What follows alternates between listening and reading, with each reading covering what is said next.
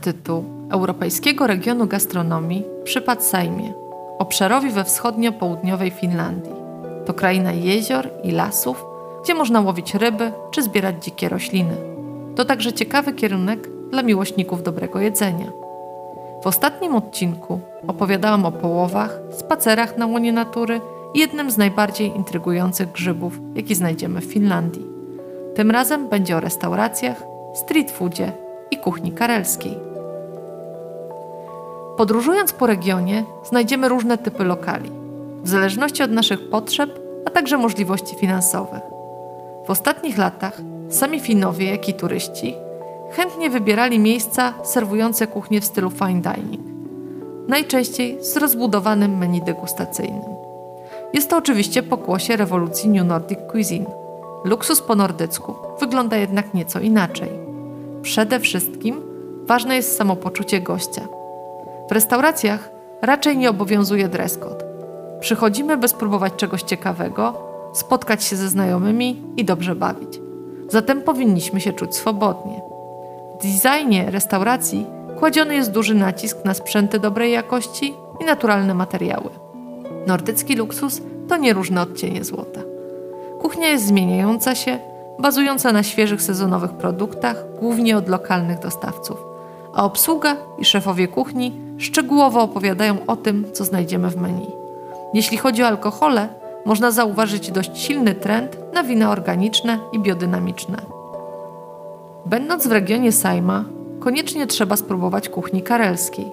Dawniej Karelia postrzegana była jako kraina rozciągająca się między Morzem Bałtyckim a Morzem Białym. Ta część Europy ma ogromne znaczenie dla Finów, Estończyków i Karelów, ze względu na to, że jest związana z ich mitologią i eposem zatytułowanym Kalevala. Dla zainteresowanych dodam tylko, że jest on dostępny w polskim przekładzie. Przez wieki o wpływy na tych terenach walczyli Finowie i Rosjanie. Obecnie podzielona jest ona między dwa państwa. Do Finlandii należy Karelia Północna i Południowa, zaś Przesmek Karelski i Republika Karelii wchodzą w skład Federacji Rosyjskiej. Po II wojnie światowej ponad 400 tysięcy Finów karelskich zostało przesiedlonych w różne części Finlandii. Sprawiło to, że kuchnia karelska zaczęła być szerzej znana także w innych częściach kraju. Będąc w miejscowości Lappeenranta, warto zajrzeć do Muzeum Południowej Karelii, gdzie jest także ekspozycja poświęcona kulturze kulinarnej. Jednym z najważniejszych dań czerpiących z karelskiej, a poniekąd także rosyjskiej kuchni jest karjelon pirakka, pieróg karelski lub inaczej ciasto karelskie. Jest to wypiek, którego spód przygotowuje się z mąki żytniej lub pszennej, a także mieszanki mąk pszennej i żytniej.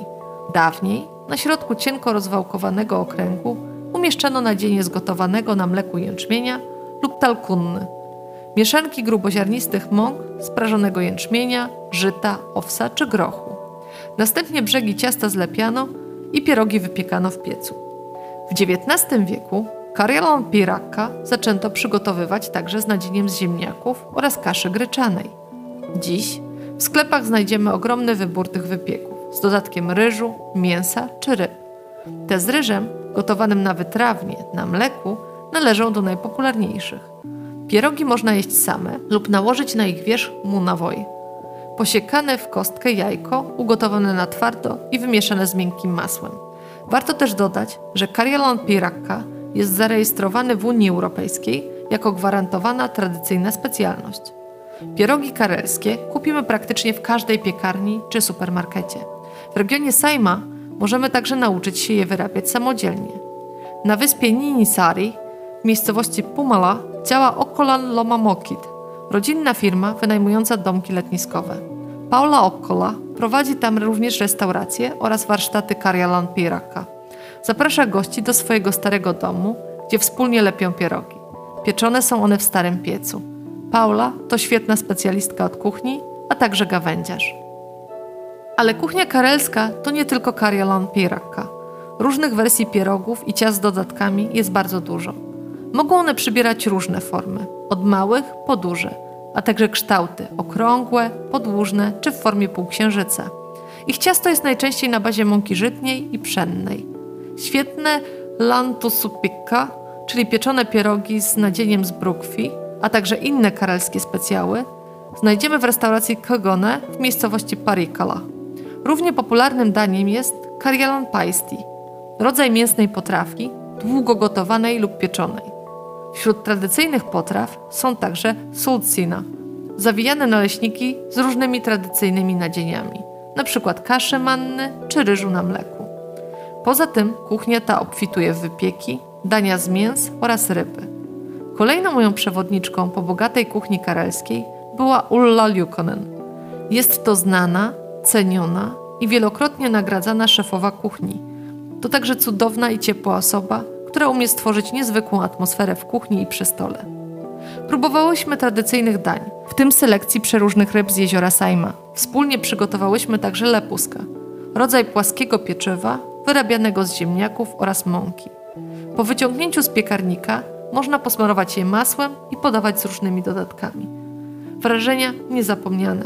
Uwielbiam prostą kuchnię, w której smak zależy przede wszystkim od dobrej jakości produktów, a także serca oraz zaangażowania, jakie wkłada w gotowanie osoba przygotowująca posiłek.